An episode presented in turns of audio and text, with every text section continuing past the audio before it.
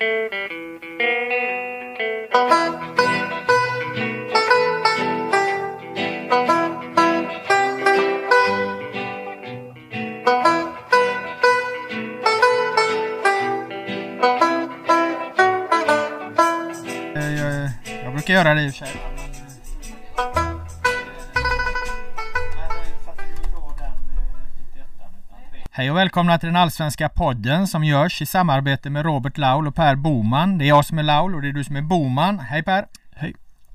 Sent om sidor kommer då podden som ska fokusera på omgångarna 6 och 7 av årets allsvenska. Det har ju varit veckomatcher, det har varit rörigt. Vi, vi gillar egentligen inte veckomatcher Boman, varför inte? Ja, viktigaste skälet är att det förstör den naturliga rytmen i de allsvenska omgångarna. Det trasar sönder eh, samtalet. Det gör att man inte känner sig... Att man, man vill ju ha en match att hänvisa till till varje lag. När det är två matcher så, ja, jag, jag tycker åtminstone det känns luddigt och, och svårfångat. Ja, och eh, spelar man då inte in eh, mängder av avsnitt hela tiden så, så, så missar man ju då kanske eh, lite ur den tidiga av de här två omgångarna då, det vill säga i det här fallet omgång eh, 6. Å andra sidan eh, har vi ju då väldigt mycket att prata om eftersom vi i, i någon mening ska beröra två omgångar. Redan ikväll spelar ju för övrigt då eh, Malmö FF eh, mot Elfsborg i, i en tidigare lagd omgång, apropå röra. Men vi ska ta oss an våra ämnen. De är som vanligt eh, eh, fem till antalet. Men vi ska väl först ta upp en sak eh, som rör oss, eller då eh, framförallt mig och den här poddens eh, framtid egentligen i eh, just den här konstellationen då. Den är ju inte knuten till vare sig dig eller mig utan den heter ju Allsvenska podden. Sen är det du och jag som har haft ansvaret för den i, ja vad är det, snart tre år va? Det tror jag. Innan det var, var, var det andra personer och innan det hade vi andra poddar. Men eh, eh, det har ju precis blivit eh, offentligt och officiellt och, och, allt vad det heter att eh, eh jag flyttar till Göteborg i sommar. Och det innebär att jag eh, slutar på Aftonbladet och Sportbladet den 15 augusti. Kommer jobba kvar med Allsvenskan fram till dess. Men slutar på Aftonbladet den 15 augusti och börjar jobba på Göteborgs-Posten från och med den 1 september och på GP kommer jag ha liknande arbetsuppgifter. Jag kommer följa, följa Allsvenskan och, och svensk fotboll och så här. Eh, men eh, jag kan ju inte göra det med dig då Boman. eh, eftersom vi jobbar på, på, på... Vi blir konkurrenter helt enkelt. Vänner men konkurrenter får vi väl säga. Eh, och eh, ja, som sagt. Eh, Eh, Eh, vi kommer spela in ett avsnitt till i alla fall. Vi spelar in poddavsnitt nästa vecka eh, och ja, efter det så, så, får vi helt enkelt se hur den allsvenska podden kommer se ut i, i framtiden. Om det blir några fler avsnitt under, under juli, augusti. Du är ju iväg på, på mästerskap och OS och allt vad det är va? Så att, mm. så att eh, ja, eh, poddens framtid i den här formen är lite oklar just nu. Ja, eh, och jag tycker givetvis att det är sorgligt att du ska sluta. Det kanske blir navelskådande att prata om det i podden så, men jag tycker att det ska bli jättetråkigt givetvis att du ska byta arbetsplats. Nu är GP en trevlig tidning på, inte alla sätt, men på många sätt i alla fall. Sportbevakningen är trevlig och eh, jag eh, tror att du kommer göra ett utmärkt jobb där. Men som sagt, för mig personligen så är det ett, ett svårt slag att ta. Jag tycker att det ska bli, ja, det, det ska bli, kommer bli tråkigare att gå till jobbet. Så att eh, får försöka ha trevliga poddavsnitt nu på slutet och göra det bästa utav det här. Men det är lite av en chock som jag försöker smälta. Även om jag vetat om det lite ett tag så är det så är det någonting som jag måste då hantera det här, det här, eh, den här, eh, det här tomrummet i mitt liv som kommer, som kommer, som kommer komma då helt enkelt om, om ett tag. Ja, nej men det är klart att det, det är, är vemodigt för mig också såklart och, och mycket känslor och, och så. Jag menar, jag har ju varit på, på äh, Aftonbladet och på Sportbladet i, i ganska exakt 20 år. Jag började äh, i maj 2001 så att det är ju precis 20 år här nu då. Och, Vissa av människorna här, äh, Bank och Flink och Wagner och, och, och Petra och, och, ett gäng här, de har jag jobbat med i, i, i, i alla de här 20 åren liksom. Så att det har ju blivit vänner för livet och, och, och, så. Du och jag har ju jobbat tätt och nära och haft ett väldigt bra samarbete i kanske 10 år i alla fall här nästan. Va? Så att Eh, det är vemodigt men, eh, men samtidigt, jag är från Göteborg. Jag eh, får flytta hem, vilket jag är väldigt lycklig över var det Håkan Hellström sjöng väl att Stockholm blev aldrig min stad. Det är väl lite så, så, så man kan känna sig som en göteborgare. Bränna ner Stockholm till och med om jag minns Göteborgare, jag har försökt men jag har inte lyckats uh, Nej men eh, skämt åsido, uh, det är väl så man kan känna lite som en, en göteborgare i exil och att man får komma hem helt enkelt. Och GP tidningen som jag hämtade ur brevlådan som liten. Eh, jag har en, en, eh, en, en, stark relation till den också, känslomässigt stark relation. Det var någonstans min dröm när jag utbildade mig en gång i tiden till, till journalist i slutet av 90-talet. Jag såg liksom framför mig att det skulle bli en reporter på Göteborgs-Posten sen. Sen blir livet inte alltid som man har tänkt sig men eh, nu går den här drömmen i alla fall i, i uppfyllelse då. Eh, så så på det sättet är det väldigt bra. Men det är klart att det, det är ett vemod och en sorg med, med alla de eh, relationerna som, som, som jag har här med människor på tidningen. Vad kommer du sakna mest med Stockholm då om man får ställa den frågan? Och nu kommer du vara kvar lite tag till givetvis men spontan fråga.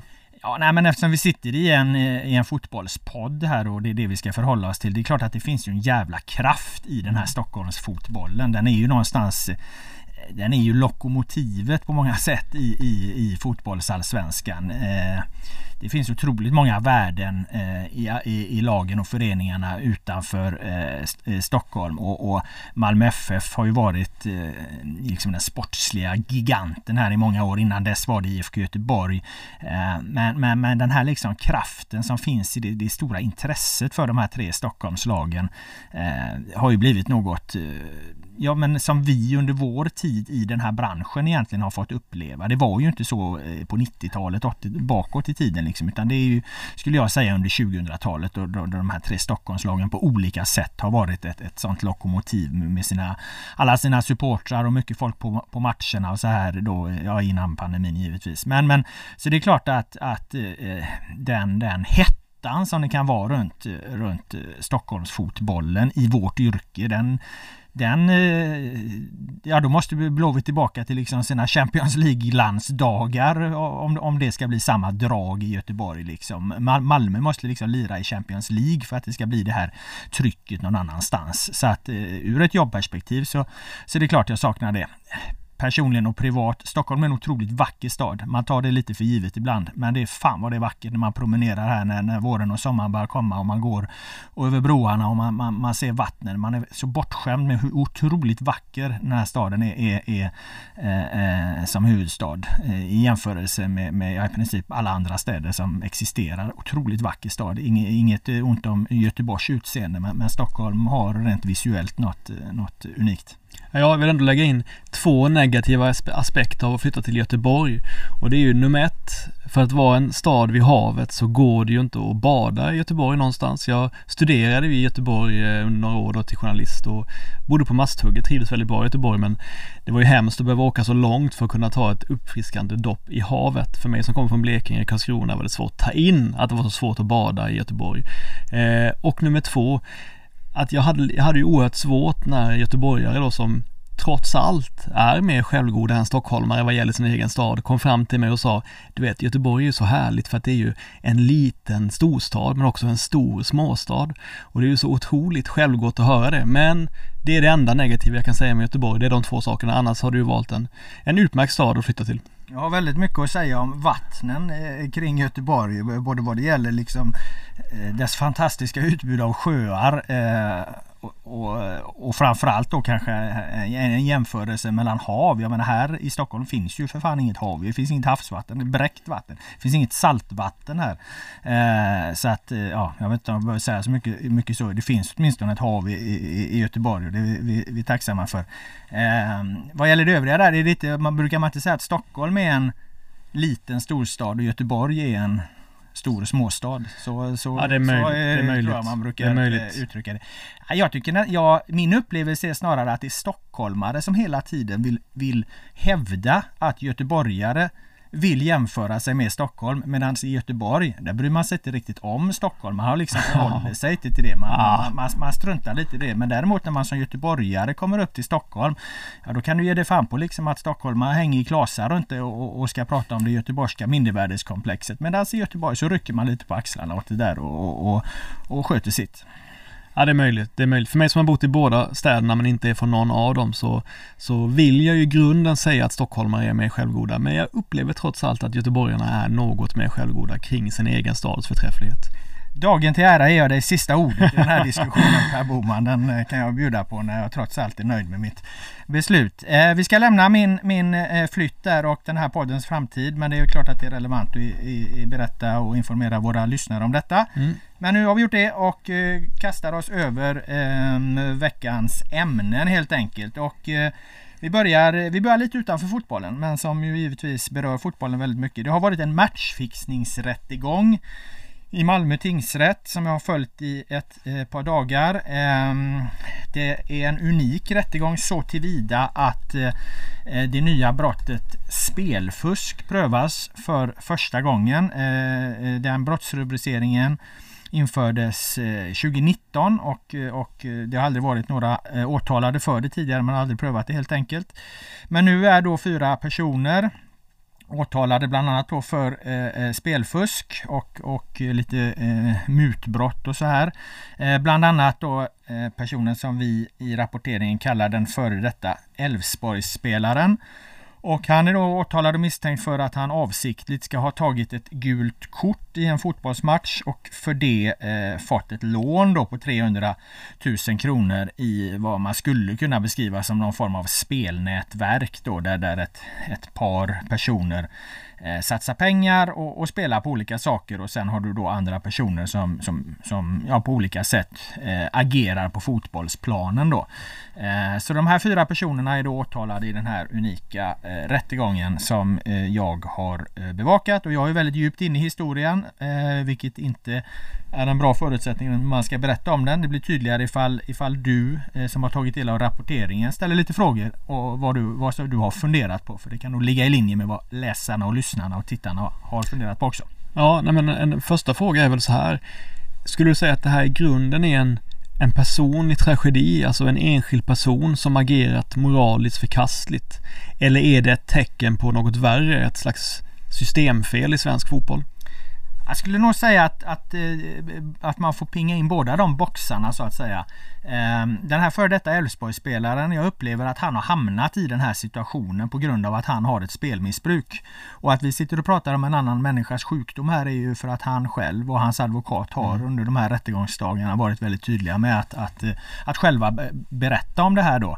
Så att det, det, det lämnar väl fältet öppet då för att prata om, om, om, om det här. Eh, för det är ju trots allt en sjukdom och det är klart som fan att det, det är en jättetragedi. Jag menar ingen människa eh, blir ju sjuk med, med, med, flit och vi vet ju att just de här missbrukssjukdomarna de får just den, ofta den typen av konsekvenser att de ställer inte bara till med elände för den sjuke utan de ställer till liksom elände för alla, alla runt den sjuke och eh, även för samhället. Det är liksom bara att titta på hur mycket eh, alkoholmissbruket kostar samhället. Det är oerhörda summor. Det är, det är lika mycket som migrationen kostade eh, 2016. Det här rekordåret brukar jag jämföra med. Mm. Samma med spelmissbruk. Tittar man liksom på domar och, och, så ekonomisk brottslighet. Det är otroligt ofta det ligger liksom spelmissbruk i botten här. Alltså det, det Eh, jag tror människor som inte insatta skulle häpna när de ser hur, hur många liksom av de här förskingringar och, och, och, och, sånt liksom som, som det, det, finns ett spelmissbruk i botten. Så ja, det är klart att det är en, en personlig tragedi på många sätt. Men det finns ju också eh, krafter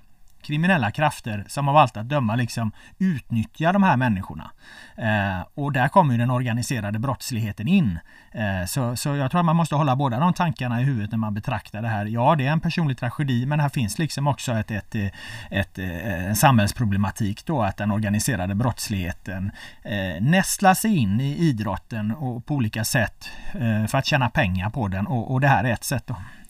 Eh, det är klart att man blir ju nyfiken. Den här tidigare Elfsborgsspelaren, du har ju stött på honom nu några dagar. Mm. Hur, eh, hur tycker du att han har, eh, hur han har varit helt enkelt? Har ni pratat någonting? Vad har mm. han sagt? Nej, jag har uppfattat honom vid ganska gott mod ändå med tanke på den situationen han befinner sig i. Han svarade ju redigt och utförligt på de flesta frågor då som han fick av, av, av åklagarna när det var hans tur att höras i i, i rättssalen. Den, eh, den fråga, han menar ju på att, att det här gula kortet då, det, har, det, det, liksom, det är ingen motprestation mot någonting utan lånet tog han för att finansiera då sitt spelande. Det, det, de här sakerna hänger inte ihop menar han.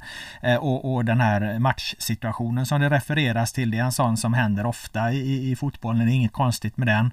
Eh, och, och på det, han har ju varit väldigt liksom tydlig och klar och, och, och verbal och, och, och så va, och, och svarat på de här frågorna. Det han inte kan fråga är hur det kommer sig liksom, eller där han inte liksom har kunnat svara på det är hur det kommer sig att, att eh, precis de personerna som är inblandade i, eh, i liksom, eh, det här lånet då, hur det har kommit till. Precis de personerna har startat massa konton och, och, spelat massa pengar på att han ska få ett gult kort i en match ett par veckor senare och han får det gula kortet och det är ett gult kort som han själv styr över så att säga. Eh, och, och, och, på det har han ju inget direkt svar. Det, han konstaterar bara att ja, men jag kan inte svara på det. Jag har inte startat de här kontona, jag har inte spelat på det här liksom. Men, men det är klart att det blir ju väldigt liksom besvärande att, att, att de här sakerna inträffar samtidigt eh, eh, såklart. Eh, utanför rättssalen så har jag ju ett par gånger frågat honom om han eh, om han vill ge några kommentarer. Eh, det har han ju vänligt men bestämt då sagt att det vill han inte göra i det här eh, läget. Men efter han var, klar nu och var hörd så, så frågade han igen om han vill ge några kommentarer och, och, och då lät han mig i alla fall förstå att när allting var över så skulle han möjligen kunna tänka sig att och, och ge en intervju då. Eh, för att han gillade vad jag skrev. Han gillade två personer sa han. Det var mig och Erik Niva. Så att, att eh, möjligen då eh, skulle han kunna tänka sig att ompröva det här och ge en intervju. Vi får väl se om, om, om det blir så. Du vet, det blir ju väldigt liksom hårda ord när en person har verkligen trampat i klaveret på det här sättet och ska, ska givetvis ta ansvar för sina handlingar då om man blir dömd och sådär och så vidare. Eh, då är det många som säger den här jäveln ska aldrig spela fotboll igen och han ska hållas borta från, och så vidare, från det här och så vidare. Hur ser du på den typen av liksom retorik kring, tror du, han, tror du han kan spela elitfotboll igen den här killen? Eller är det, är det, är det kört för han? Alltså det här är en extremt komplicerad situation för att han pratar om det också att han är dömd på förhand. Han tycker Svenska fotbollsförbundet eh, borde vänta med att stänga av Han är avstängd från all fotboll i Sverige och internationellt. Mm.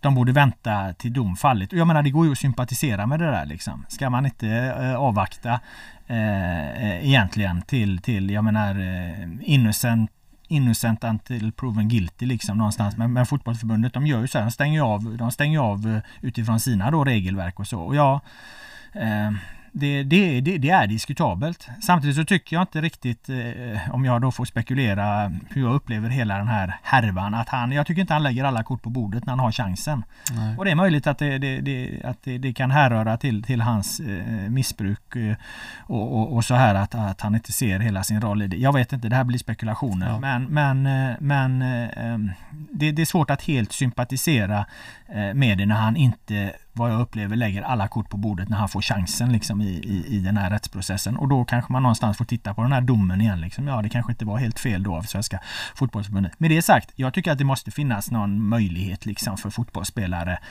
Eh, att, eh, ja men eh, vad säger man, liksom att det finns omständigheter, förmildrande omständigheter enkelt. Har du haft en missbrukssjukdom, har du tagit ansvar för den, tagit hjälp på alla, enligt alla konstens regler, eh, försökt städa upp och gottgöra och så. Det, det är väl klart som fan att han måste kunna spela fotboll igen kan jag tycka. Liksom. Ifall det nu är då den här eh, missbrukssjukdomen som har satt honom där, då ska ju inte en människa vara, vara liksom, ha, ha sin karriär fullständigt förstörd. Det, det, där tycker jag att där måste man vara, vara någorlunda flexibel. Eller vad säger du kring just den problematiken. Nej exakt, det är klart det, det, är ju eh, Det är ju ingen mening att Jag menar om den här människan skulle kunna vändas till en positiv kraft så är det ju ingen mening att förstöra hans liv för gott liksom bara som någon slags vad ska vi kalla det, öga för öga, barnslig hämndaktion. Det hjälper ju inte samhället framåt. Men däremot så skulle det krävas en uppriktig vilja att göra bot och bättring. Till exempel Eh, kanske att förbundet säger åt honom att ska du spela fotboll igen så får du fram med hålla hundra föreläsningar för ungdomar i landet där du berättar om vad som har hänt, lägger korten på borden, förklarar hur man kan hamna i, i, i nätet på de här, eh, på de här ganska ljusskygga typerna liksom. Hur, hur, hur hanterar man det och så vidare och så får man försöka bedöma ifall den här människan liksom verkligen har tagit det på allvar och så vidare. Det skulle kunna vara en lösning för att vända det till något positivt. Alltså jag håller 100% med dig. Jag tycker det är väldigt bra uttryckt. Det är precis så man ska använda och det är så man använder det i övriga samhället. Eh, eh, ja men avhoppade nazister och, och, och, allt vad det kan vara liksom. Att, att eh, de, de som verkligen hamnar på rätt eh, köl igen kan man använda i exitverksamheter och så. Och, och, här har man ju ett utmärkt tillfälle eh, med den här före detta Elfsborgsspelaren. Om han är intresserad av att själv göra det. Och skulle han göra det eh, och man hittar former för det, ja då måste det ju kunna betraktas som förmildrande omständigheter och att han inte ska behöva vara avstängd från fotboll i, i, i resten av sitt liv. Eller resten av sin karriär som det blir då. Ja, man misstänker att det här är en person som skulle må bra av att spela fotboll igen helt enkelt. Absolut. Jag menar det, det, det är ju någonstans, det är ju hans yrke. Mm. Så att eh, det, det, det, måste man också se det. Och sen har ju fotbollsförbundet möjlighet att ha sina egna regler då eftersom de, de styr sin liga och så här. Och det finns väl en poäng någonstans också att det går att stänga av människor för att komma eh, till bukt med det här. Men, men det kan inte vara hur, hur stelbent som helst systemet. Och med det sagt, vi måste ju säga att det är ju det är ju, alltså matchfixning är ju så jävla hemskt den typen av grejer för att det förstör ju, det ruckar ju på förtroendet för grundbultarna i sporten på något sätt liksom. Mm. Så att det är, man ska ju inte, överhuvudtaget inte förminska den typen av brott för det är ju, det är ju ett svek mot alla ungdomsledare som har, som har, som har hjälpt den här killen. Det är ju liksom, det är ett svek mot alla som har byggt upp honom till den han är liksom som fotbollsspelare också på något plan när han, när man ändå sviker sporten på det sättet som när man gör som när man, när man liksom förändrar spelreglerna för den. Mm. Med det sagt så nekar då alla åtalade ja, till brott där och ingen är ju dömd eh, så men, men det är klart att det, det, det, är ett ganska så gott bevisläge och eh, det finns många eh, försvårande uppgifter brukar väl kriminalreportrarna skriva va, för de här eh, misstänkta. Så. Mm. Men som sagt, de nekar till brott, ingen är dömd. Rättegången pågår i ytterligare eh, en vecka, den håller på nästa vecka också. Mm. om du inte har något mer om den Boman som du är nyfiken på så kan vi väl lämna den mm. tills vidare och förflytta oss från, från runt omkring fotbollsplanen till rakt ner eh, på den. Och eh, som du har rubriksatt eftersom det är du som har snickrat ihop körschemat den här veckan. Degerfors dunderknall. Ja men det är klart när, när, när en annan människa är och liksom på fina middagar och får erbjudanden om nya arbetsplatser och sånt då får, ju då, då får de andra sätta körschemat givetvis. Suttit och slitit i en rättssal är vad jag har gjort om det ska vara helt korrekt. Ja nej men dunderknall är väl kanske ett, det är ju liksom Det är ju ganska dåligt val, dåligt ordval egentligen för att det var väl inte så att någon blev superöverraskad över att Degerfors skulle slå det här osympatiskt usla Örebro som vi haft den här säsongen. Eh, så att, eh, så att dunderknall är fel ord men det är klart att det var ju oerhört starkt att krossa lokalrivalen i derbyt. Ja och eh, eh, lyfter man blicken lite från Degerfors så har de ju, eh, eller från den här enskilda matchen så måste man säga att Degerfors har ju de har ju alltså gjort eh, tre otroliga insatser här nu, eh, tre senaste. Jag menar de har besegrat Djurgården, de har spelat oavgjort mot Norrköping på bortaplan och de har då eh, vunnit med, med 3-0 mot, eh, mot Örebro här. Ehm, ja, jag har ju en bild av av vad det är som har förändrats i Degerfors. Vad, vad de gör bra nu som de inte gjorde eh, eh, lite i början, eh, inte gjorde i början av säsongen då de ju resultaten var klart knackigare. Men jag upplever att de i alla fall mot Djurgården som är den match jag har sett mest, men även vad jag kunnat ana då mot, mot Norrköping så, de är mycket mindre eh, naiva i sitt, i sitt eh, försvarsspel eller sitt uppbyggnadsspel. För jag tycker i början så i början av säsongen så eh, infriar ju de här, de här eh, eh, farhågorna man hade om Degerfors att de, att de skulle spela sitt då spel som var, var bar, bar frukt i superettan men riskerade att bli mycket hårdare straffat i allsvenskan om man försöker spela sig fram eh, väldigt tidigt men kanske inte riktigt behärskade. Jag tycker att de är lite, lite de har liksom lägger en lite större eh, tonvikt på det destruktiva och tar lite färre risker i uppbyggnaden. De blir inte riktigt lika hårt eh, eh straffade. Ehm, de, de, de har ett, ett, större fokus på sitt försvarsspel och genom att de har det, genom att de liksom inte försätter sig i allt för mycket onödiga situationer, då får de också mer utrymme för den här spetsen som de ju trots allt har framåt då. Givetvis allra bäst eh, personifierat av, av eh, eh, Viktor Edvardsen som, som alltså har gjort eh, fem mål här nu då på, på tre matcher och det, det, är ju, det, är ju, det är en otrolig utveckling han är inne på.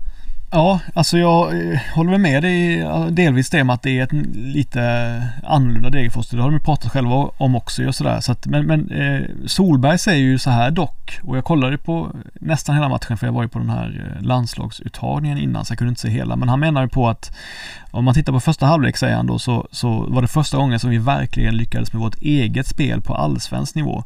Alltså första gången vi kunde driva och hota med vårt anfallsspel och dominera matchbilden som vi vill kunna göra. Och det kan jag vara enig om att just, jag håller med, mot Norrköping och Djurgården så var det ju ett mer pragmatiskt lag. Mot Örebro så var det ju mer kanske det här superettan Degerfors som med hjälp av Gravius som var mycket bra, Kalén eh, och så vidare eh, lyckades liksom kontrollera matchbilden på det sätt de vill. Och om det är någon motståndare som man ska ändå göra det mot, söka spela det spelet, så kanske det är just hemma mot ÖSK som ju visar upp en sån svag form även om de vänder mot tecken och sådär. Så att eh, en, en fråga ja. där då mm. på den. Eh, en fråga där på den då. Det kanske är, är, är svårt att ha koll på men, mm. men jag slänger ur, den, ur mig den ändå. Um, får de lika mycket avslut emot sig i, mot Örebro som de eh, fick i början av Allsvenskan. Eh, nu tänker jag högt här för att jag menar om de, om de liksom ändå lyckas ha ett försvarsspel där de håller motståndaren från att komma till avslut för ofta eh, då, då, då har de ju bättre förutsättningar att starta sina eh, anfall och då kan de spela det, det här eh, egna spelet som de pratar om. Men det förutsätter ju någonstans att de liksom inte åker på att motståndarna hela tiden kommer till, till, till liksom bra avslut. För det var det jag upplevde framförallt mot Djurgården att Djurgården hade ett tryck mot dem, absolut. Mm. Och Djurgården pratade efteråt om att det bara var liksom spetsen i deras anfallsspel som saknades. Men nej, men de hade inte så mycket rena chanser. Ehm, de, de, de gjorde ett juniormisstag, Degerfors, som ledde kanske till en av Djurgårdens bästa chanser då när de, när de, bjöd, när de bjöd på mer eller mindre ett friläge i eget straffområde. Men det var egentligen den enda gången. Annars höll de liksom så att det, det var inte särskilt många rena lägen som, som Djurgården kom till. Jag vet inte hur det var mot Örebro där. det som är intressant är ju att Örebro har ju ett skyhögt högre XG i den här matchen. De har 3,7 Oj. jämförelse mot Degerfors 1,53. Nu är Degerfors mycket, mycket bättre. Man ska inte, allting handlar inte om XG, men det är ju givetvis relevant att ta upp det för att de har ju en period, eh, ÖSK, i andra halvlek där de skapar jätte, jätte, jätte, jättemycket chanser och extremt bra chanser som ju bara ska vara mål. Men där Diawara är ju, han har varit bra många matcher. Han var ju bra mot Djurgården till exempel och var bra nu igen. Eh, står för ett antal monsterräddningar så att jag tror nog ändå att det här var lite mer det naivt uppsluppna Degerfors som i perioder eh, unnade sig en porös defensiv för att ha ett mer expansivt anfallsspel.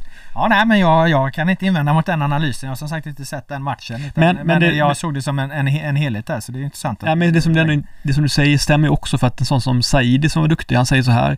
Det känns som att vi vet vad som behövs för att ta tre poäng nu. Från början trodde vi kanske att vi skulle kunna spela tiki-taka vad som helst och vi jobbade inte riktigt hårt för varandra. De matcherna vi har tagit poäng i är de som vi har jobbat hårdast i, så nu vet vi vad som krävs. Så det kan ju vara på något mm. sätt en gyllene mellanväg också så är det.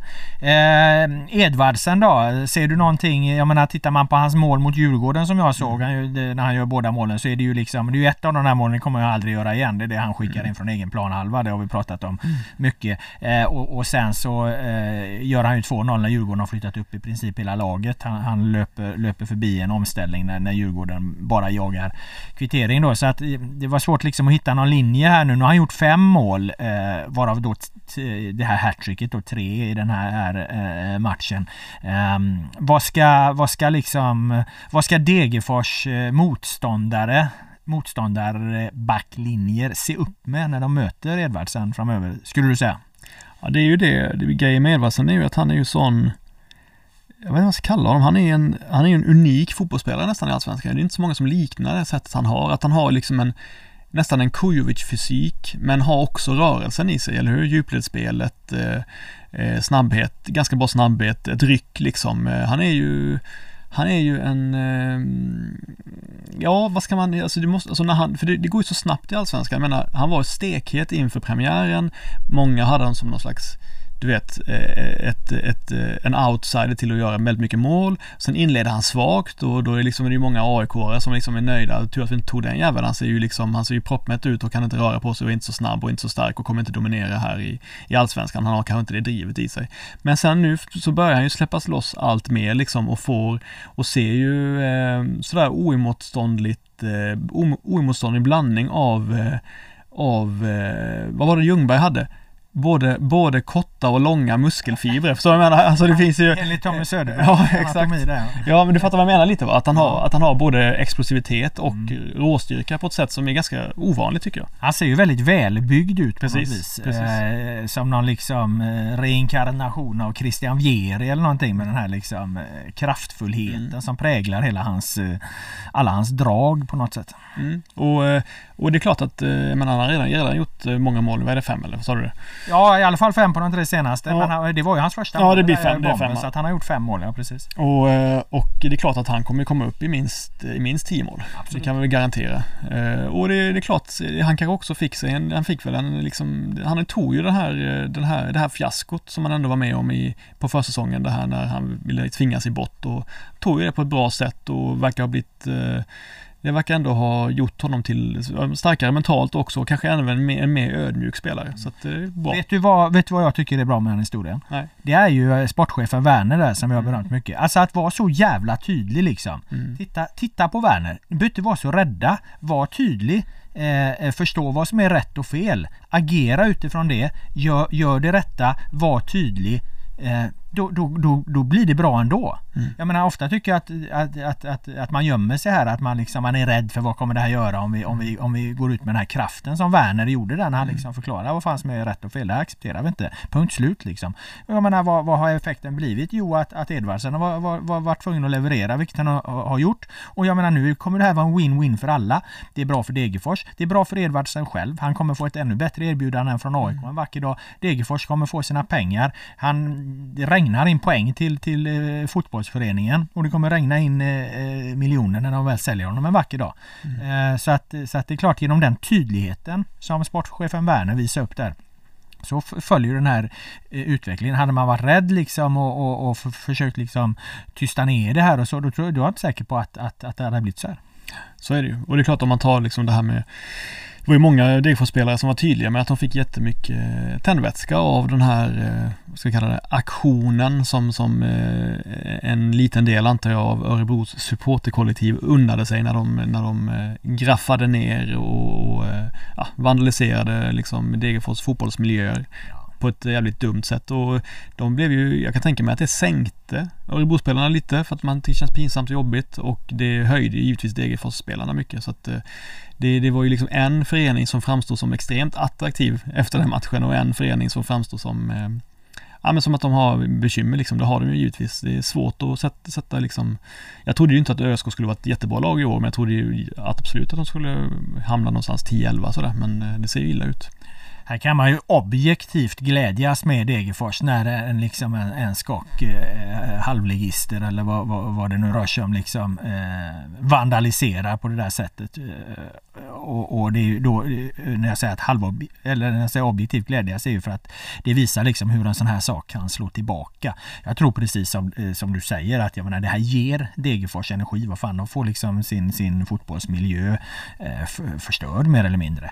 Eh, och, och jag menar spelarna i Örebro måste ju känna vad är för jävla liksom supportrar vi har mm. eh, när, när, de gör sådär. Så att, eh, och, och, och då, då, är det bra liksom att, att resultatet står där liksom i eldskrift 3-0.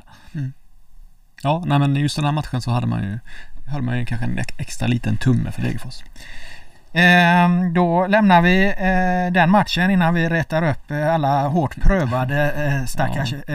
Vanliga och vettiga Örebrosupportrar som ju naturligtvis är majoriteten och säkert 99,9 procent är säkert lika irriterade som oss på, Givetvis. på det här som, som, och jag såg att det var, det var ju också, det var också flera ÖSK-supportrar som startade insamlingar och så ja. för att hjälpa Degerfors. Ja. Och, och det ska man ju också lyfta. Det är ju det är ett fantastiskt bra, bra initiativ. Men vad jag menar är att det är bra när det blir liksom en tydlig bakslag på ett sånt här eh, streck då. Mm. Eh, vi lämnade matchen där och eh, åker tillbaka till Malmö där jag som sagt var på den här matchfixningsrättegången. Men innan det spelades ju en fotbollsmatch också. Mm.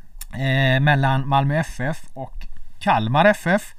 Eh, och den var intressant på alla möjliga sätt. Eh, Kalmar eh, kom ju dit obesegrade. Eh, Henrik Rydström, eh, tränaren, hyllats mycket. Eh, Malmö FF hade petat slash roterat eh, Ola Toivonen och eh, eh kört in Anders Christiansen som tia. Eh, det var en, en debatt både innan och efter Eh, den här matchen som ju slutade med, med liksom en eh, jag ska väl inte säga en förkrossande överlägsenhet men det var i alla fall en väldigt klar och tydlig 3-1-seger till, till eh, eh Malmö FF. Enda lilla stunden man, man tänkte att det kunde sluta på något annat sätt efter, efter Malmös mäktiga inledning. Det var väl när, när Douglas Bergqvist skickade in reduceringen till 2-1 då men, men då reste ju MFF på sig och eh, Christiansen slog en frispark, frispark till eh, Colak eh, som har vaknat ordentligt. Gjorde två mål i den här matchen varav ett på den här frisparken och han gjorde en assist också.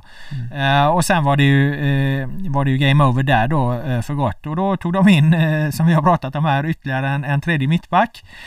de tog in Brorsson och så gick de ner på 5-3-2 och eh, du var ju inne på att Malmö ska liksom inte eh, behöva ägna sig åt, åt det här i podden. Jag funderade vidare lite på det och jag kommer nog faktiskt fram till motsatsen. Jag tycker mm. att liksom hela Malmös aura är ju vinna. Det är ju vinnarförening. De, de ägnar ju sig inte åt något annat. Deras verksamhet går inte ut på något annat egentligen eh, än att vinna fotbollsmatcher. De är egentligen det tydligaste exemplet på det. Vi kommer ihåg eh, Sören Rex utbrott på Christiansen där från Häckenmatchen när de missade ett friläge. Så att jag menar, är det något lag, jag, jag, jag, jag slänger ur med det, är det något lag liksom som verkligen kan gå ner på en, på en på en fembackslinje även mot en eh, ekonomiskt och på pappret underlägsen motståndare mot slutet för att verkligen säkra segern. Ja, så är det snarare Malmö FF. Jag hade väl bekymmer med att de tvingades in i den situationen just också mot Varberg. De hade inte behövt ha, ens hamna i det läget att ta det relativt rimliga beslutet, men de borde inte ens hamnat i det läget. Det var det som gjorde mig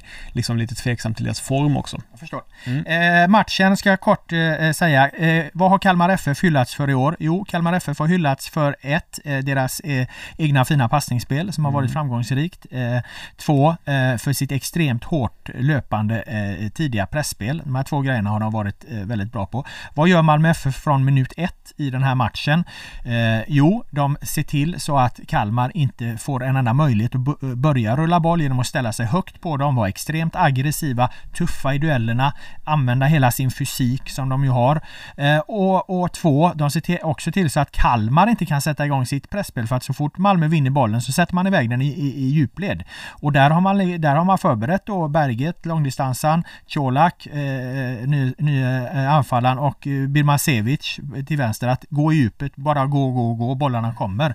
Eh, och, och, då har man slagit ut Kalmars två stora uspar helt enkelt. Man, de får inte igång sitt passningsspel. De vinner ingenting på sitt pressspel för så fort Malmö har bollen på mittplan då sätter man i djupet och sen så går de, skapar chanser, gör mål, vinner duellerna och, och, och, och sen som sagt, jag ska inte säga att det är förkrossande överlägsenhet men väldigt klar och tydlig 3-1-seger till slut. Ja, och vi var väl ganska tydliga förra veckan om att vi inte är det minsta oroliga för anfallsspelet i, i Malmö, att de har olika mål och medel för att lösa motståndare liksom offensivt. Det har vi inte haft några bekymmer med egentligen ju. Så att, eh, men, men det var ju intressant ändå att följa liksom eh, efterspelet i den här matchen då när eh, Rydström hade stor show och, och liksom la ut texter och alltid givetvis mycket underhållande att lyssna på och så. Det är kul med den typen av tränare tycker nog de flesta. För jag menar, han säger ju ändå saker. Det är ju inte, det är liksom inte, det är ingen pajaskonst utan han säger ju ändå, säger ju ändå ganska intressanta saker. Men vad, eh, vad, liksom, eh, vad tycker du om Rydströms det här utspel efteråt när han, när han ändå sågar laget ganska kraftigt? Ja, ja man måste nog läsa Rydström eh, i flera led där skulle jag säga.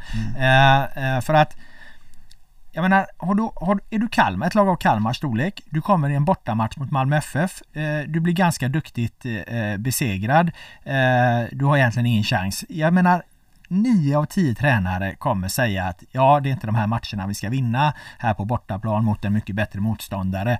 Eh, vi, vi, vi kommer jobba på och vi, vi hoppas en vacker dag kunna, kunna utmana eh, ett sånt här lag också men vi är inte där än och så vidare. De, de skulle lägga sig liksom, acceptera förlusten, sträcka upp eh, handen, hissa den vita flaggan, vad, vad, vad fan man nu gör liksom. Mm. Men vad Rydström gör det är att han dömer ut sina spelare. Eh, han sågar spelarna jäms med fotknölarna. Han säger det är för fan bara två man som vill vara på den här planen. Resten vill vara någon annanstans. Mm. Det här upprepar han i alla möjliga sammanhang. Han sitter på presskonferensen efteråt och, och, och, säger ungefär samma sak. Och då tänkte jag, vad fan gör han så här för? Jo, jag tror att han, han vill ju skicka en signal till sina spelare att vi är egentligen jävligt bra. Vi råkade göra en dålig match, men egentligen är vi så bra så hade vi liksom inte, hade vi bara inte gjort en dålig match, då hade vi gett Malmö en match. Då hade vi kunnat besegra Malmö FF. För så här bra, bra är vi. Så genom den här sågningen så skickar han en, en, liksom en signal till sina spelare att okej, okay, hade ni inte bara råkat vara så jävla dåliga just idag då hade vi gett Malmö FF en match. Så att han lyfter sina spelare. Det är någon slags, kallar man det för omvänd psykologi eller ja. jag vet inte. Han lyfter ju spelarna med det här. Alla läser in det som en sågning och tänker väl inte så mycket mer på det. Men om man försöker borra sig in i Rydströms huvud, vad är det han försöker säga till sina spelare? Så är det, är det liksom, hade inte ni gjort den här plattmatchen just idag så hade vi mycket väl kunnat besegra Malmö FF. Det är budskapet han vill att de ska ta med sig. Att det var egentligen bara ett litet hack i skivan. Nästa gång, då jävlar. Och det är också då eh, ett slags långsiktigt varumärkesbyggande av hela Kalmar-projektet då givetvis sådär att eh, vi står inte med mössan i hand och sådär och accepterar den här typen av förluster. Men det var ju kul tyckte jag ändå, det du skrev i din krönika och det du frågade Rydström efteråt. Du sa väl typ om det nu är, om det nu är nio av elva spelare som inte verkar vilja vara där, är det inte tränarens matchplan då som har gått åt helvete? Jo, absolut. Och, och det är väl någonstans, det är ju någonstans eh, slutsatsen Eh, som jag måste dra och på det sättet jag måste förhålla mig. Jag kan ju liksom inte titta på Kalmar och se att de blir halvt överkörda och sen konstatera ja, ja men det här är ett långsiktigt projekt och så vidare. Mm. Jag måste ju titta på okej, okay, var det väl så jävla smart att och, och, och, spela exakt så här? Är det, är det vettigt att rulla upp bollen på Romario när han står med ryggen och Christiansen kommer liksom och, och tar bollen av honom bara. Så att jag frågade Rydström det precis som du sa där på, det var min första fråga till honom på presskonferensen. Eh, eh, är det inte tränarens matchplan det är fel på då? Han flinade lite och så höll han ett så jävla långt svar så jag kommer inte ihåg, ihåg, ihåg vad han sa men, men slutsatsen var väl återigen liksom att hade vi, hade vi liksom bara varit lite bättre så hade vi kunnat mäta oss med Malmö i den här matchen. För det är ju det budskapet han vill få fram. Ja men han är ju också ganska klok i kritiken för han säger ju sådär just när Romario tappar bollen mm. Då skyller han ju i princip inte alls det på Romario utan på resten av laget då som rör sig så dåligt och inte vill ha bollen att Romario gör ett misstag. När det egentligen är ganska mycket både och i det läget. Ja, det är ju... Det, ja, jag håller inte... Jag, jag, jag tror han skydd, där skyddar han ja, Romario. Precis. För att de vill ju rulla upp från målvakten. Mm. Han och målvakten rullar upp på Romario mm. och då är Christiansen eh, ganska, ganska långt, långt ifrån. Mm. Sen är han ju så jävla snabb och det ska vi komma in på senare varför det är bra med Christiansen i den här tio-rollen till skillnad från Toivonen. För det där är, det är ju det exemplet det är ju det också ett tydligt exempel på. Några lätta steg är han uppe på, på, i ryggen på Romario som har tagit en dålig första touch, fått bollen lite för långt ifrån sig. Men, men jag menar det är ju sådär de vill spela, så där gör de ju annars också. Okej, nu råkar det misslyckas men jag kan inte säga att det där läget var så mycket sämre mm. än något annat av, av målvakten och, och sätta upp bollen utan det är ju, det är ju, det är ju Romario och så. Men det är klart att han vill ju inte hänga i, i, i, i kanske en enskild insats så på det sättet. Nej, så är det ju. Eh, men det var intressant det du sa om Christiansen för han var ju, han var ju tia under en period under Rösle och var ju givetvis eh, djävulskt bra som det. Man värvar hem Toivonen som i grunden kan spela på två positioner. Han kan spela eh, falsk nia eller liksom någon slags halvcentertank som, som kan eh, länka vidare eller så kan han vara eller så kan han vara tia. Eh, de har valt att han ska vara tia nästan alltid och då får Christiansen flytta på sig. Det funkade bra förra året. Eh, men vad tycker du? Ska man, eh, är det dags att låta Christiansen spela tia för gott nu?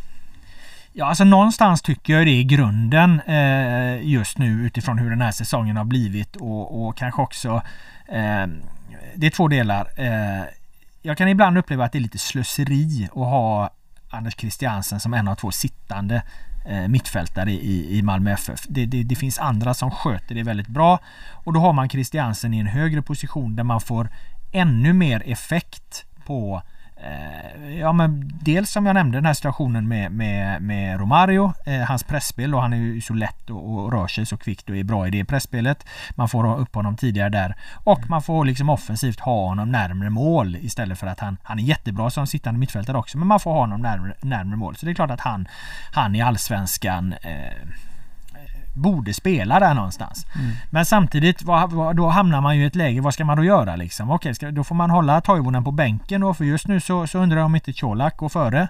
Eh, nu får vi se hur startelvan blir mot Elfsborg som sagt. Alltså det, det, jag menar Tomasson, Jon Dahl Tomasson tar inga fångar liksom. Utan mm. han, roterar han så roterar han och, och, och, och vill han peta någon så gör han det liksom. Han är tydlig och bra där. Jag tycker han, han, han, han, han har en klok tanke och han tar beslut och så. Sen kan man tycka vad fan man vill om de där besluten. Men oavsett, sätter du, sätter du Christiansen som tia och du ska ha eh, Colak eh, eh, som, som, som nia då har du ingenstans att göra av Toivonen. Och det kan man också fundera lite på. Ska man ha en spelare som Ola Toivonen på bänken?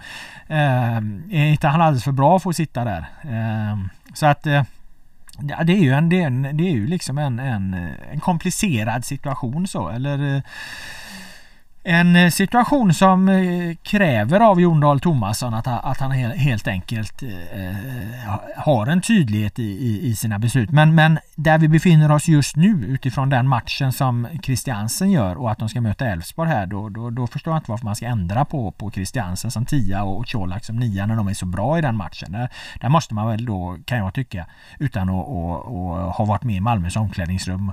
Eh, jag tycker man ska köra vidare på det helt enkelt ifall ingen av dem är, är, är trötta eller slitna eller så. Och då får Toivonen sitta kvar på bänken. Så att ja, eh, här och nu eh, säger jag Sitt kvar på bänken Ola. Eh, det är bäst för, för, för, laget just nu. Det är spännande för att det är ju så små marginaler med en sån spelare som Toivonen. Han har ju två stycken ganska underbara framspelningar i AIK-matchen till, till frilägen eh, men som, som, som inte går hela vägen. Han har två stycken passningar som, som borde blivit assist och skulle de blivit assist då kan man ju unna sig en skönande som Toivonen i den rollen för att han rör sig mindre och mindre eh, av naturliga skäl. Han är inte han, det finns ju parallellfall även här med Kujovic på något sätt. Kujovic kan ju inte spela Djurgården för att han har inte han har inte det, han kan inte starta för Djurgården i alla fall för han har inte den rörelsen i sig, han har inte det, möjligheten att pressa på samma sätt som andra spelare, han har inte den fysiken helt, enkelt. Eh, Malmö har ju varit så pass bra så man kan unna sig att ha Ola i den rollen ändå, eller hur? Mm. Eh, men det är klart, han blir ju äldre hela tiden, han kanske, han kanske inte är tillräckligt vass i det spelet. Men om han lyckas med några sådana små underverk i varje match, då, då kan man ju se igenom det. Men då måste han göra det också och det har han inte gjort än. Så att det, det gäller ju att Ola Toivonen eh, gör två, tre saker som ingen annan kan göra per match för att man ska kunna ha råd med den typen av spelare. Mm. Ja och sen som sagt eh, för debattens skull så räcker det egentligen att okej okay, Tomasson eh, flyttar ner Christiansen ett steg, slänger in Toivonen som tia och så hänger han in mm. två mål mot Elfsborg liksom. Då, går det ju knappt att argumentera för det här längre fastän det kanske någonstans i grunden är, är, är rätt så. Så att eh, nu har jag ju sagt då att, att han ska vara kvar på bänken så att då gör han två mot Elfsborg bara för det. Ja precis. Han, var han får ganska... säkert lite tändvätska av det. Vi frågar honom efteråt. Ja. Eh, eller jag frågar honom då, eh, startar du på torsdag? Ja det tror jag. Ja, sa han direkt liksom. Det var inga konstigheter liksom. Nej men han är rolig. Han är, han är otroligt rolig. Efter, alltså. efter, efter Djurgårdsmatchen var jag ju så chockad över Malmös insats. Jag var ju verkligen chockad. Så att varje gång det kom ut en Malmö-spelare så frågade jag hur kunde det här hända liksom? Hur kunde det här hända? Vad gjorde ni? Vad tänkte ni? Vad hade ni för plan? Så till slut sa jag det. Det verkar, det verkar vara du som är mest upprörd över det här liksom. Du verkar ha mest, du verkar, du verkar ha mest, i princip sa han så jag parafraserar. Det är du som verkar ha mest problem med vår insats liksom. Och då sa jag ja, ja, men jag var ju, jag var ju chockad liksom. Ja. Så att han har, han har ofta svar på tal. Ja, men han och han har ju alltid varit sån att han, eh, att han eh, kan gå lite i polemik mm. med reporten då. Jag menar det är ju hopplöst för det är egentligen helt ointressant för mm. läsarna liksom vad fan reporten tycker om saker och ting. För att han gjorde ju samma sak mot, eh, mot Flink då som också var med och ställde frågor här nu efter Kalmar-matchen. För att Flink frågade ifall det var det, var det att, att du var på bänken, berodde det på, på eh, rotering eller att du inte har kommit upp i nivå? Mm. Eh, jag tror att han uttryckte det så Flink. Och då svarade ju Toivonen, tycker du inte jag har kommit upp i nivå eller? Mm. Ja men jag, jag frågade dig vad, vad var det för något? Ja men det var en rotering svarade han också mm. svarade han ju då till slut liksom. Men han försökte ju där liksom ja, men, eh, störa frågeställningen så att det, det, det inte det inte ska bli något av den. Men då, då fann ju Flink sig snabbt och sa ja men jag står för det här. Liksom. Var den roteringen lite? Och det måste man, det måste man ja. vara med men alla är ju inte det. Så ibland, ibland eh, tjänar han på det där. Och jag vill liksom minnas, han har ju alltid varit lite eh, eh, ifrågasatt eh, Toivonen fast på en väldigt hög nivå. Det var ju lite samma i landslaget. Han spelade och startade väldigt ofta i landslaget men det var alltid lite diskussioner om det trots allt inte fanns någon bättre. Så, så att jag menar, han har haft en otroligt fin karriär i en, en, en av senaste eh, årens eh, bästa svenska anfallsspelare definitivt eftersom han har gjort alla landskamper han har gjort. Det, det är ju inte en slump att han har gjort det. Han, han, han är ju på den nivån. Men, men är du på den nivån så är du också föremål hela tiden för den här typen av konkurrensdiskussioner Liksom. Och man, en sån stor stjärna är det ju också eh, mer legitimt att, att, att, kritisera hårdare kanske än, än någon färsk liksom, junior som gör ett misstag. Så att Han får ju en del skit Toivonen men, men han, jag upplever att han kan ta det också och jag tycker han är en jävligt skön karaktär. Så att Personligen så hoppas jag att han hittar formen och tar den där jävla 10-platsen för att det, det vore tråkigt om han, eh, om han blir en, en, en perifer figur i, i den här allsvenska säsongen. Och man ska inte glömma att vi hade väl honom som topp tre spelare i allsvenskan förra året när vi, när vi rankade de 50 bästa. Mm. Ja, vi hade ju tre Malmöspelare så att, I topp, ja, och, Men så var det ju förra året Mm. också. Så är det ju. Men av de tre så är det ju bara en kvar för att vare sig Ahmed Hodzic eller Toivonen har ju rosat marknaden så här långt. Även om vi, vi för rättvisans skull ska säga här nu då att Ahmed Hodzic var tillbaka i startelvan för Malmö FF och gjorde faktiskt en väldigt bra insats mot eh, Kalmar. Bland annat då en bejublad glidtackling där som, som ju eh, ja, knappt Glenn Hysén hade klarat på sina dagar då. Eh, där han eh, glider och, och fångar bollen i samma moment så att säga och kommer upp med den och, och snabbt driver vidare framåt. Sånt är ju alltid läckert. Ja, vi snackade mycket om det förra året att han eh, var en, en ung försvarare av den här nästan utdöda konstformen som inte många eh, hanterar lika bra längre.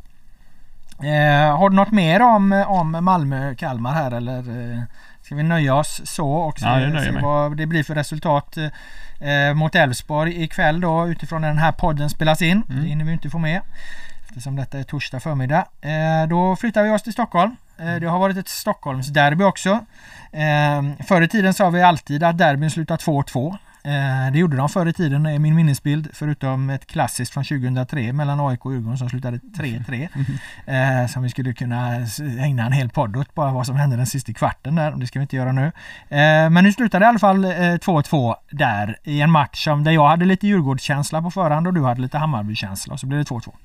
Ja, eh, jag fick, eh, kan ju börja med att säga att jag fick ett mail alldeles precis om den här matchen. Eh, en kille som heter Robert faktiskt som frågar, blir det ingen podcast den här veckan eller? Och så säger han så här, jag har hört att Une Larsson fick fem plus i den här matchen. Stämmer det? Frågetecken. Eh, och det är ju intressant för det är ju ändå första halvleken som handlar, han var ju inblandad mycket och vi satt ju på pressläktaren och diskuterade. Jag var, väl, jag var nog inne på fyra plus men då gav sig Simon Bank in i diskussionen och han brukar ju aldrig komma med den stora hammaren i betygsdiskussion utan han kommer med lite inspel från sidan men, men lägger ingen större vikt vid det alltid. Men nu sa han tydligt Une Larsson ska ha 5 plus och fick snabbt understöd av dig. Så eh, varför fick Une Larsson 5 plus? Ja men eh, lite, lite som du är inne på där Simon Bank eh, är är ju liksom inte de, eh, de stora rubrikernas man så. Men, men när vi diskuterade betyget på honom så blandade han sig i precis som du säger. Och, och ville ha den här femman och du och, och även jag, ja, okej eh, varför det liksom? Nej men då hade Simon fyra eller fem anteckningar i sitt block eh, på direkt avgörande eh, situationer eh, inom loppet av då 30-35 minuter där han är direkt avgörande för, för liksom att Hammarby ska få helt rena eh, lägen och när jag eh, då drog mig till minnes eh, ifall detta kunde stämma så sa min magkänsla att, eh, att eh, Simon Bank, han har nog rätt igen. Eh, Så det var bara att hålla med om det där va. Ja. Eh, Sen tror jag mångas bild kanske då är färgad av att han ju gillar sig efter en halvtimme eller eh, Ja, han går ju ut i, i, i paus och spelar i första Ja men jag menar det han ju illa sig tidigare. Mm. Han spelar ju liksom sista kvart, sista tio eh, halt. Mm. Och det är klart, då är han ju inte lika bra. Mm. Men, men det kan man ju inte ta hänsyn till i en bedömning liksom. Jag menar så länge han är, är, är brukbar där och är icke skadad och han gör ju faktiskt inga, inga, inga misstag som leder till någonting ens när han är halt. Nej. Det ska man ju komma ihåg. Mm. Eh, så att eh, vi, får nog, vi får nog backa bank på den där eh, femman. Ja det är vi så illa tvungna eftersom vi satte ju den till slut. Ja, och de har ju, det är ju så också, Hammarby skapar en hel del chanser men det är ju aldrig Une Larssons fel att de skapar chanser. Eh, däremot så räddar han upp många av chanserna de skapar. De har ju en slumpboll över honom på hans sida men det är väl resten av backlinjens ansvar tror jag just i den situationen. Där Ludvigsson fått friläge, var ett halvt friläge. Sen är det ju så att Bank är också äldst, äldst Mm. av oss på, på, på läktaren där och att gå, gå, gå emot en, en vis ålderman på den här redaktionen då, det kräver argument, Mm. eh, det kräver tydlighet och, det kräver ett visst mått av mod. Ja. Eh, det var inte ofta Simon Bank till exempel satte sig upp mot, mot Lasse Sandlin på den tiden men, men eh, nu är det Bank som är äldst och Mm. då, då, då får man respektera när Simon Bank säger att det ska vara 5 plus på Jakob Uno Larsson. Man tar väldigt, väldigt klara och tydliga argument för att det icke är så. Men, men det tycker jag ändå inte att vi har. Nej. Om inte din mejlare då har något som eh, förändrar bilden radikalt. Ja, han anser då att Bayern skulle gjort minst två mål. Tycker inte du det? Första halvleken skriver han. Och det, ja, men är det, inte där då Ja, Larsson kommer in precis. liksom och bryter Precis. precis, liksom. Och när han inte gör det så är det kanske den andra övre backlinjens fel. Men, men jag minns också att första halvlek när vi satt och pratade där då, då eh, om, om, jag satt ju och lajvade samtidigt och då får man inte alltid samma överblick över matchen. Men, men du, du petade mig i sidan och sa, eh, vad fan Djurgården, det, det är någonting med den här matchen som inte känns riktigt lika bra som vi har vant oss vid.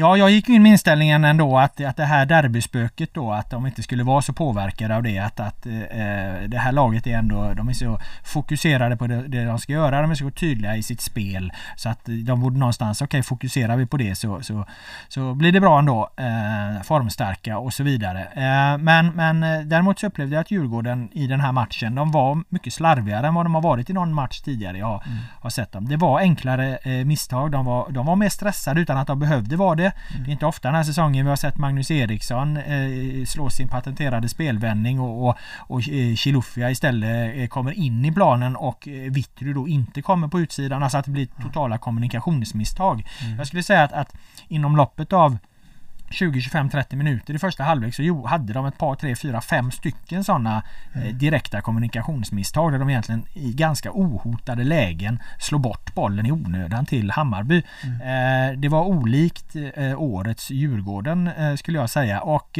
eftersom man egentligen inte riktigt kan härleda det till att, att Hammarby var särskilt vassa i sin, i sin press eller att de, de satte Djurgården under ett jävla tryck. Så jag vet inte, kanske, kanske var de här jävla derbynerverna någonstans ändå som spökade där. Eller så var det det som, som Thomas Lagerlöf pratade om på presskonferensen och som jag inte tänkte på när jag satt där. Det var tredje tuffa matchen på, på eh, en vecka.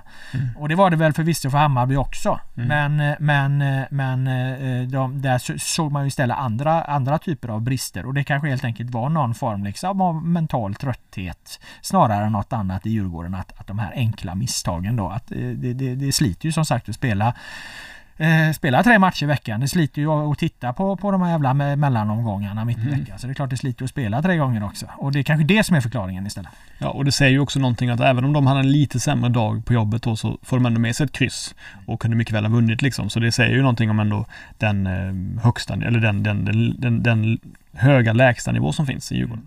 Ja, jag var nog beredd på, eller trodde nog under slutet där att det skulle bli 3-1 snarare mm. än 2-2 eh, för de kändes eh, skarpare i chanserna som dök upp. Men då, eh, då fick ju liksom Selmani till slut, han tog ett korrekt avslutsbeslut, vilket han inte gjorde i första halvlek då han hade för många tillslag tyckte jag i boxen och liksom inte hade den här avslutsinstinktsreflexen.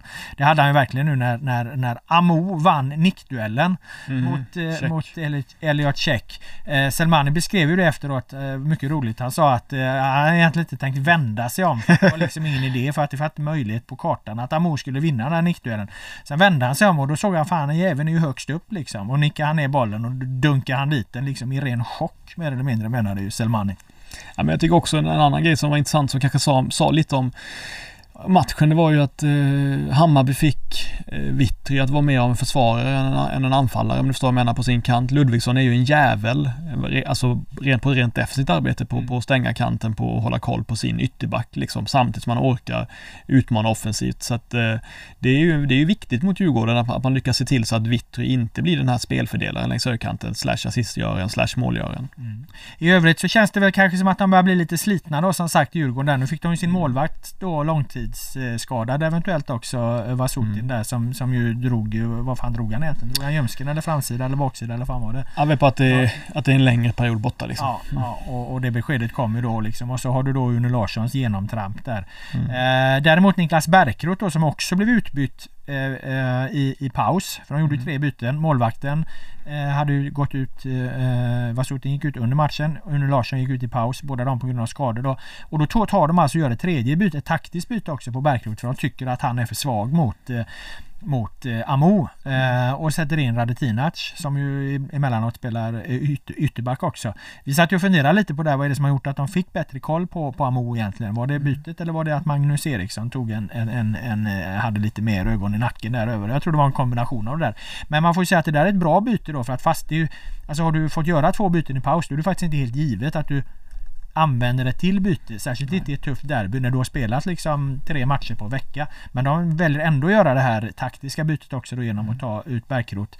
Eh, de får en effekt på det för att de, de eh, tar bort Amom ur matchen helt enkelt. Nu räcker det inte till seger men ändå ett bra byte måste man kunna konstatera. Eh, som att det är alltför färgade av resultatet. Nej men angående Amo var det ju oerhört första halvlek såklart. Eh, framförallt även om han då är delaktig i eh, målen. Men i andra halvlek så var han ju nästan bättre i första halvlek ju. Eh, jag frågade ändå, för att jag menar, han visar ändå så pass mycket, han visar så pass många glimtar av en så nästan sinnessjuk hög nivå i sitt spel ju. Det, det, så är det ju. Jag frågade Jansson, har de fått något konkret bud Han säger nej, vi har inte något konkret bud och vi vill i grunden behålla honom hela säsongen liksom. Eh, var hans, var hans eh, slutsats. Tror du det? Tror du att de vill behålla honom eller tror du de vill smida när järnet är varmt och sälja i sommar? 100% eh, sälja. Helt övertygad om att de vill sälja honom. För att det rör sig om sådana pengar. Mm. Det är klart att säger så. De, de trissar ju upp det nu och ser vad de kan få. Jag menar här, här talar vi om stora pengar. Mm. Eh, eh, vi talade om 100 miljoner för eh, Bergman Johannesson eh, förra året talar vi om, om 100 miljoner för eh, Isak Bergman Johannesson förra året så finns det ingen anledning till att vi inte ska tala om, om liknande nivåer här. Ja, eh, nu är det möjligen då... Vi kanske pratade för mycket förra året Ja, det är möjligen att ja. vi, vi vred till det lite för mycket där och med hjälp av, av Jonathan Levi som ja. backade upp det här också. Att det, det, kanske inte var så mycket där. Men eh, och sen jag vet inte eh, nationalitet och, och, och EU och allt det här liksom. Ja, men det spelar ju in eh, för det har ändrats lite nu. Kan spela in då, men jag menar det här är ju en, land, en landslagsman såklart. Ja, garanterat då för, för Nigeria på sikt. Liksom. Så att eh, det är inte säkert den diskussionen. Så att jag menar jag tror att de, de kollar väl, de, när han säger sådär att vi har inte fått något bud och vi vill inte sälja. Det handlar ju bara om hur högt kan han pressa upp den här prislappen. Pressar han upp den över 50 miljoner? Ja det är jag övertygad om. Pressar han upp den över 70 miljoner? Inte alls omöjligt. Pressar han upp den i närheten av 100 miljoner? Som sagt, talade du om 100 miljoner och Isak Bergman Johannesson i fjol så finns det ingen anledning att vi inte ska göra det om, om Amo i år. Ja, jag skulle säga att jag tycker att allting över 50 miljoner är otroligt bra liksom. Sett till, sett till vad de själva har lagt på honom och så vidare. Så att, eh, ja, det är klart att det är. Men, men jag visst, menar, jag hör vad du säger. Stora, ja. alltså, det, här är, det här är på en nivå som är enorm alltså. Mm. Han är så ung och han har sådana egenskaper. Ja, men det är ju, det är ju, det är ju liksom farten med bollen, eh, bollkontrollen, rycket som är på en, ja, en nivå som redan nu är, är långt över allsvenskan just det, det, den delen av spelet. Ja, och så vann han ju nickduell mot Elliot Check. Så är det. får man inte glömma fastän han är en tvärhand hög. Eh, utöver det då, Lagerlöf, Thomas, Djurgårdens tränare, hade eh, ett av årets svagare utspel då på presskonferensen. Han menar att det var för mycket fokus på målskyttar i Sverige. Jag vet inte om han har följt den internationella fotbollen de senaste 120 åren, men ganska mycket fokus på målskyttar eh, eh där också. Ehm, resultatet 2-2, eh, eh, känslan utifrån det då om man ska ta något större perspektiv på, på själva resultatet i den här matchen så, så är det väl ändå eh, så att vi i vårt sista avsnitt eh, eh, för vårsäsongen nästa vecka kommer ju få återkomma mm. till Djurgårdens succévår. Nästan oavsett hur det går i sista matchen mot IFK Göteborg. Men, mm. men allt talar väl för att, att det är inte en match de kommer förlora. och, och, och, och då talar vi om en, en väldigt, väldigt stark vårsäsong för Djurgården som vi kan summera i nästa avsnitt. Samtidigt så måste jag säga att det känns som att Bayern har nog varit lite plågade av det här coronautbrottet mm. som de åkte på där. Det har nog liksom legat dem lite i fatet. Jag tycker att, att, att det går åt rätt håll eh, eh, för Hammarby. Även om det då liksom blir 2-2 i den här matchen så, så Ja, man får en känsla av att det finns mer, mer, mer att ta där. Mm. Uh, jag tänkte på det du sa om det årets svagaste utspel. Han sa väl det att man skriver om målskyttar för att det ger klick va? Ja precis. Ska precis. du ta med dig den lärdomen till GP så att eh, höja upp trafiken där framöver? Ja problemet är ju att klick har inte varit intressanta i journalistiska sammanhang sedan 2012. Det måste ju Lagerbäck ha, ha, ha missat. I alla fall inte på en tidning eh, som den vi jobbar på eftersom det rör sig om så stora tal så att vad, vad man eventuellt kan dra in i klickväg på en artikel om att Kalle Holmberg inte har gjort mål det, det, det kan man ha och mista. Utan det man framförallt ägnar sig åt det här är det att göra så initierad journalistik så att man kan ta betalt för den. Vilket eh, vi har lyckats ganska bra med på plus får vi väl ändå säga. Den mm. allsvenska publiken verkar i alla fall uppskatta eh, betaljournalistiken vi gör här. Mm. Eh, om du tar något mer om derbyt Boman eller om äh, Lagerlöfs utspel. Jag har ju bjudit in honom till redaktionen här, ett studiebesök nästa tisdag. Kommer han så får han gärna vara med i podden. Eh, får se om han dyker upp här. Han är inbjuden tisdag klockan 10.00 då vi ska spela in det sista poddavsnittet för vår, vårsäsongen. Vi ser mm. med eller utan Thomas Lagerlöf. Kanske tar han med Kim Bergstrand också. Eh, blir vi fyra i studion. Ja. Det vore spännande. Ehm, eh, men vi lämnar då Djurgården, Hammarby, derbyt, Stockholm och åker till Göteborg. Mm. Eh, där Häckens kräftgång eh, fortsätter. Jag vet fan om den fortsatte i Göteborg i och för sig. Var det, mot, det var bortaplan mot Mjällby borta, Strandvallen. Så att ja, det mm. var ner, där nere i dina trakter då de Ja. De återigen tappade poäng då eh, trots ledning. Eh, eh, så. Men det har hänt mer sen vi eh, pratade om Häcken. Det senaste vi sa om Häcken det var ju att vi gav Andreas Alm tre matcher till. Eh, sen så tappade de 2-0 mot Örebro. Och det var bara sätta nytt papper i maskin. Alm, Alm måste gå. Eh, inte ens i Häcken liksom klarar man så här svaga resultat. Så att han fick bara en match till av oss innan vi, vi tog fram den stora sågen. Och mycket riktigt ett par dagar senare så var han ju inte sparkad. Eh, men han var i en annan klubb. Mm. Eh, vilken klubb var det? Odense. Eh, ja. Och eh, hade skrivit på för dem. och vilket ju eh, underlättade för alla parter där. Eh, han behöver inte ha i, i något CV att han har blivit sparkad. Eh, det blir liksom ingen avtalsdiskussion om för, för Häcken att förhålla sig till med ekonomi och så här att man, man ska ersätta en sparkad tränare. Så det var väl en jättebra lösning för, för alla eh, parter parter där. Och eh, ja, som sagt, inte ens i Häcken överlever man ju eh, två poäng på sex matcher. Vilken elegant lösning. Alltså det är otroligt sömlös lösning att inte sparka en tränare utan att han hitta ett nytt jobb liksom. Så bara, bara haka i varandra. Det var... Men jag, jag, jag, vet du varför jag tror att det blev så? Nej. Jag tror att han, är, han har varit där i, i han har varit där i nästan fyra år. Mm. Det, här, det, här, är fjärde året. Mm. Eh, han visste han, han, han, han, han, Det är klart som fan att han, det var, det var inte så här. Det gick ju inte till så här. De leder med 2-0 mot Örebro eh, i 78 minuten. Eh, de tappar tre. Eh, han slår en signal till, till Odense, eller Odense slår en signal till honom, Känna Alm. Utan det är klart att det här har ju pågått. Mm. Det här har ju pågått. Det här har ju kanske pågått sedan i, i, i, i vintras till och med skulle jag våga gissa på. Just av den anledningen. Inte för att han misstänkte att Häcken skulle gå dåligt utan han kanske hade slutat efter den här säsongen även om Häcken hade vunnit Allsvenskan. Mm. Vad vet jag. Mm. Eh, han har, fyra år är lång tid i, i den här branschen. Det är inte så jäkla många som är i fyra år. Visst, nu har Häcken, hade de ju Gerhardsson i hundra år liksom. Men jag menar Gerhardsson, visst han tog cupguld 2016. Kanske borde han gått efter, efter 2013 när de, när de eh, rasade. Mm.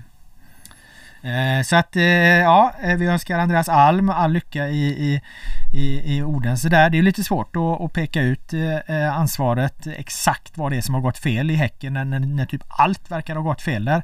Men när allt går fel, jag menar då faller ju ansvaret på tränaren. Det är ju inte svårare än så. Nej, allt man kan säga där är ju att det finns ingenting att skylla på. Det finns ingenting att skylla på. Ja, de hade mycket sjukdomar och skador under försäsongen, men de har haft en tillräckligt bra trupp under hela den allsvenska säsongen att resultaten är oacceptabla. Så. Och det, de har så pass bra backlinje och mittfält och anfall så att det, nej, det finns ingenting att skylla på. Och målvakt. Däremot är det ju trist. Det är ju en, en karaktär, ja, en profil och en, en givetvis eh, eh, skicklig fotbollstränare mm. måste man ju säga också. Eh, det handlar ju inte alltid om det. Jag menar tränare sparkas ju sällan för att de är för dåliga.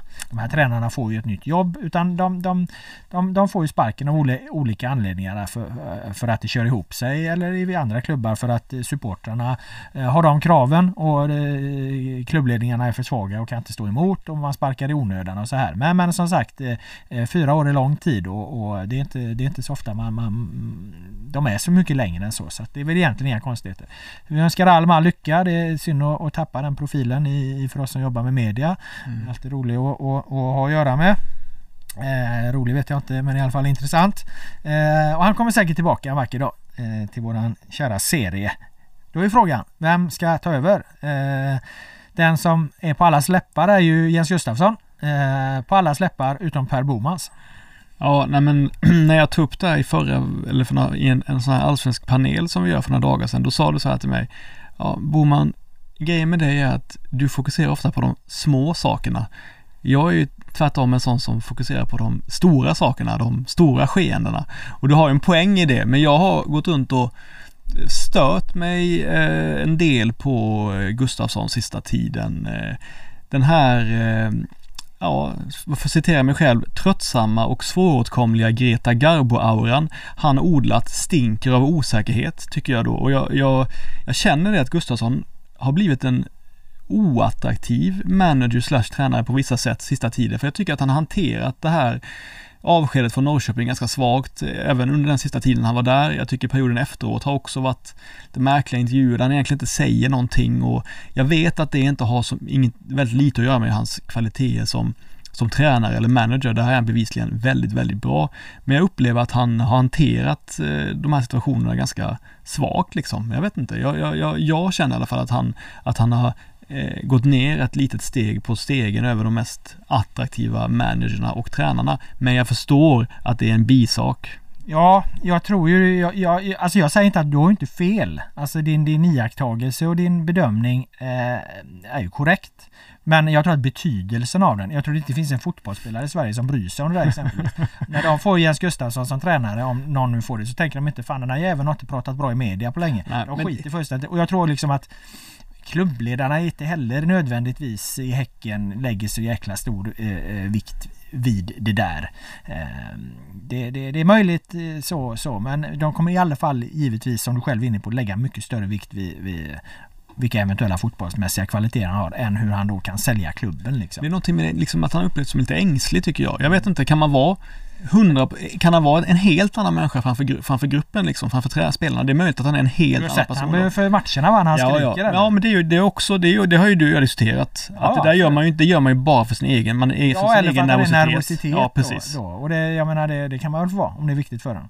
Jag är, Ja. inte, jag är inte säker på att det nödvändigtvis är, är, är negativt heller. Däremot kanske det kan bli jobbigt i längden för, för, för så. Det finns ju tränare också som, jag menar det är möjligt att han, att han, eh, att han, att det där med, med, med skrikandet så att det blir jobbigt i, i år två och tre, Mm. kanske framförallt då för, för en spelartrupp. Liksom. Det är ju lite som Jörgen Lennartsson, han är väl det bästa exemplet. Jörgen Lennartsson är ju alltid hur bra som helst första året. Det är ju för att Jörgen Lennartsson är en människa som pratar otroligt mycket.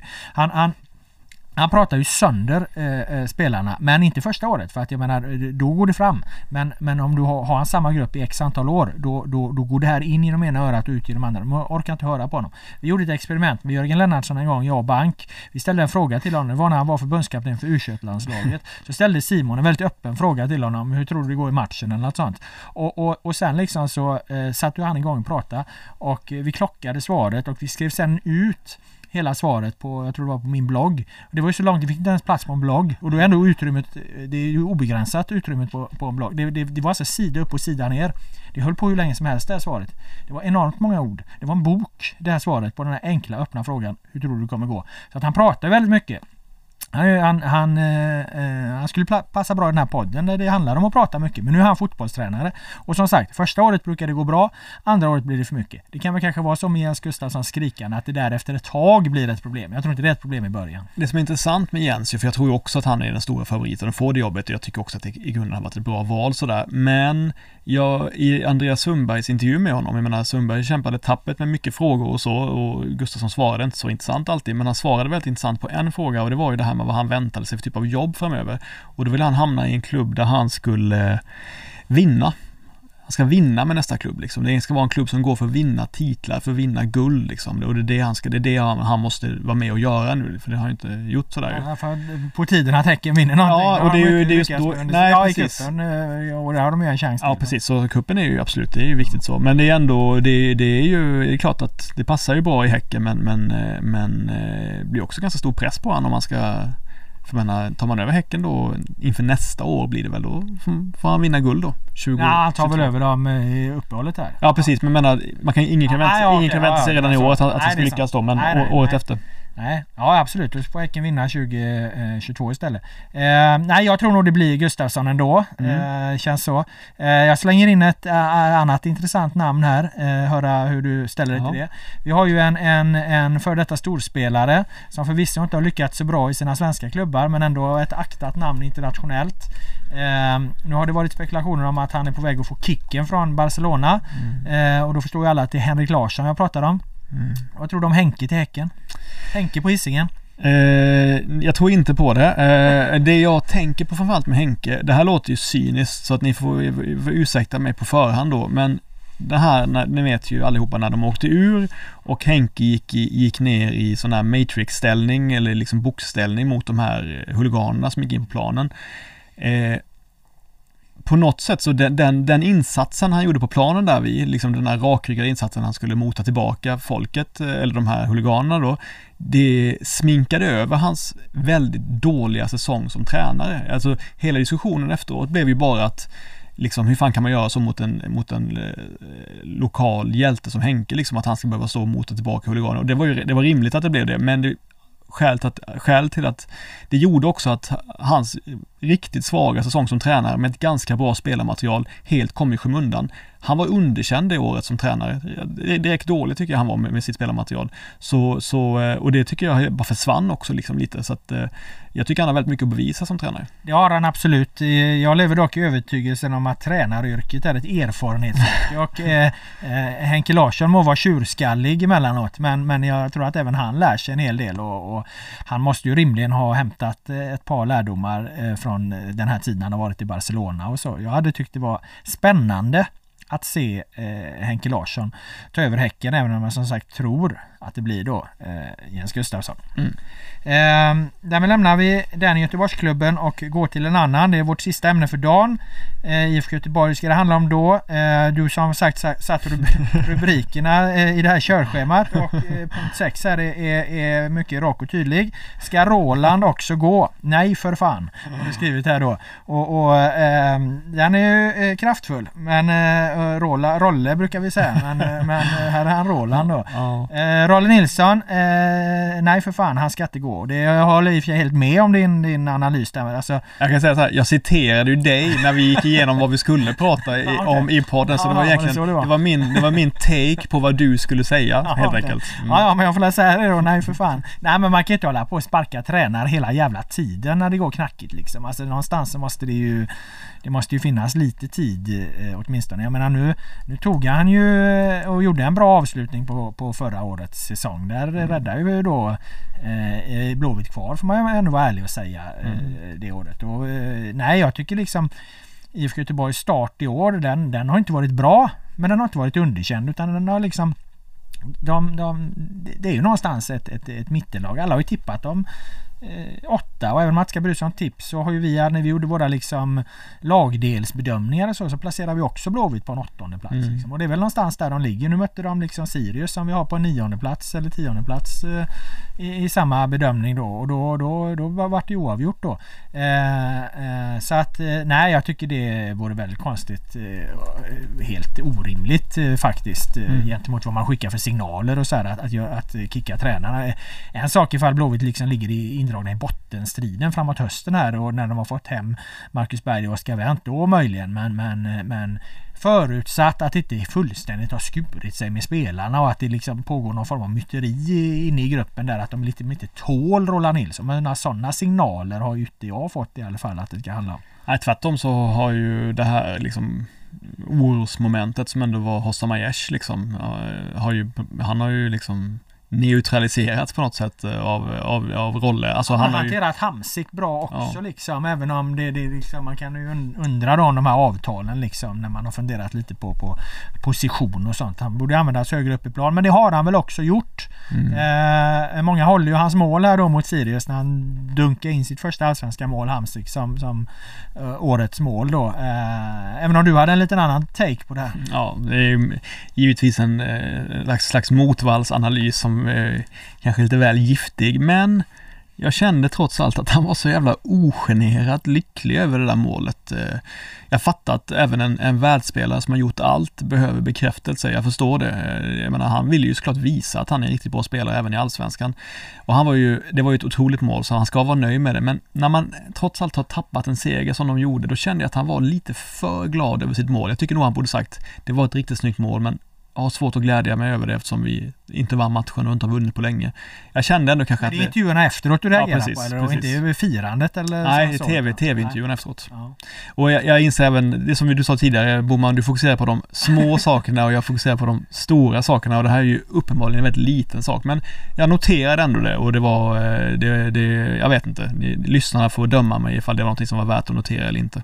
Men det är också din styrka här i podden Boman. Hade vi fokuserat på de små sakerna då hade vi varit klara på 5-10 minuter ja. varje gång. Nu har vi suttit i, i en och en halv timme här snart känns det som. Mm. Så att, eh, ehm, eh, om du inte har något mer om, eller vad, vad, säger du förresten? Vad tycker du om, om, om roller där? Är det, ska det börja dras upp någon diskussion om att roller måste avgå? Är inte det liksom alldeles för tidigt eh, och alldeles huvudlöst helt enkelt? Även om det kan bli så i framtiden givetvis. Men, men resultatmässigt är de inte i den, ska de inte vara i den i den debatten. Jag låter GPs nya krönikör eh, ta hand om Roland i någon gång i augusti-september 2021 så får vi se hur han hanterar Roland.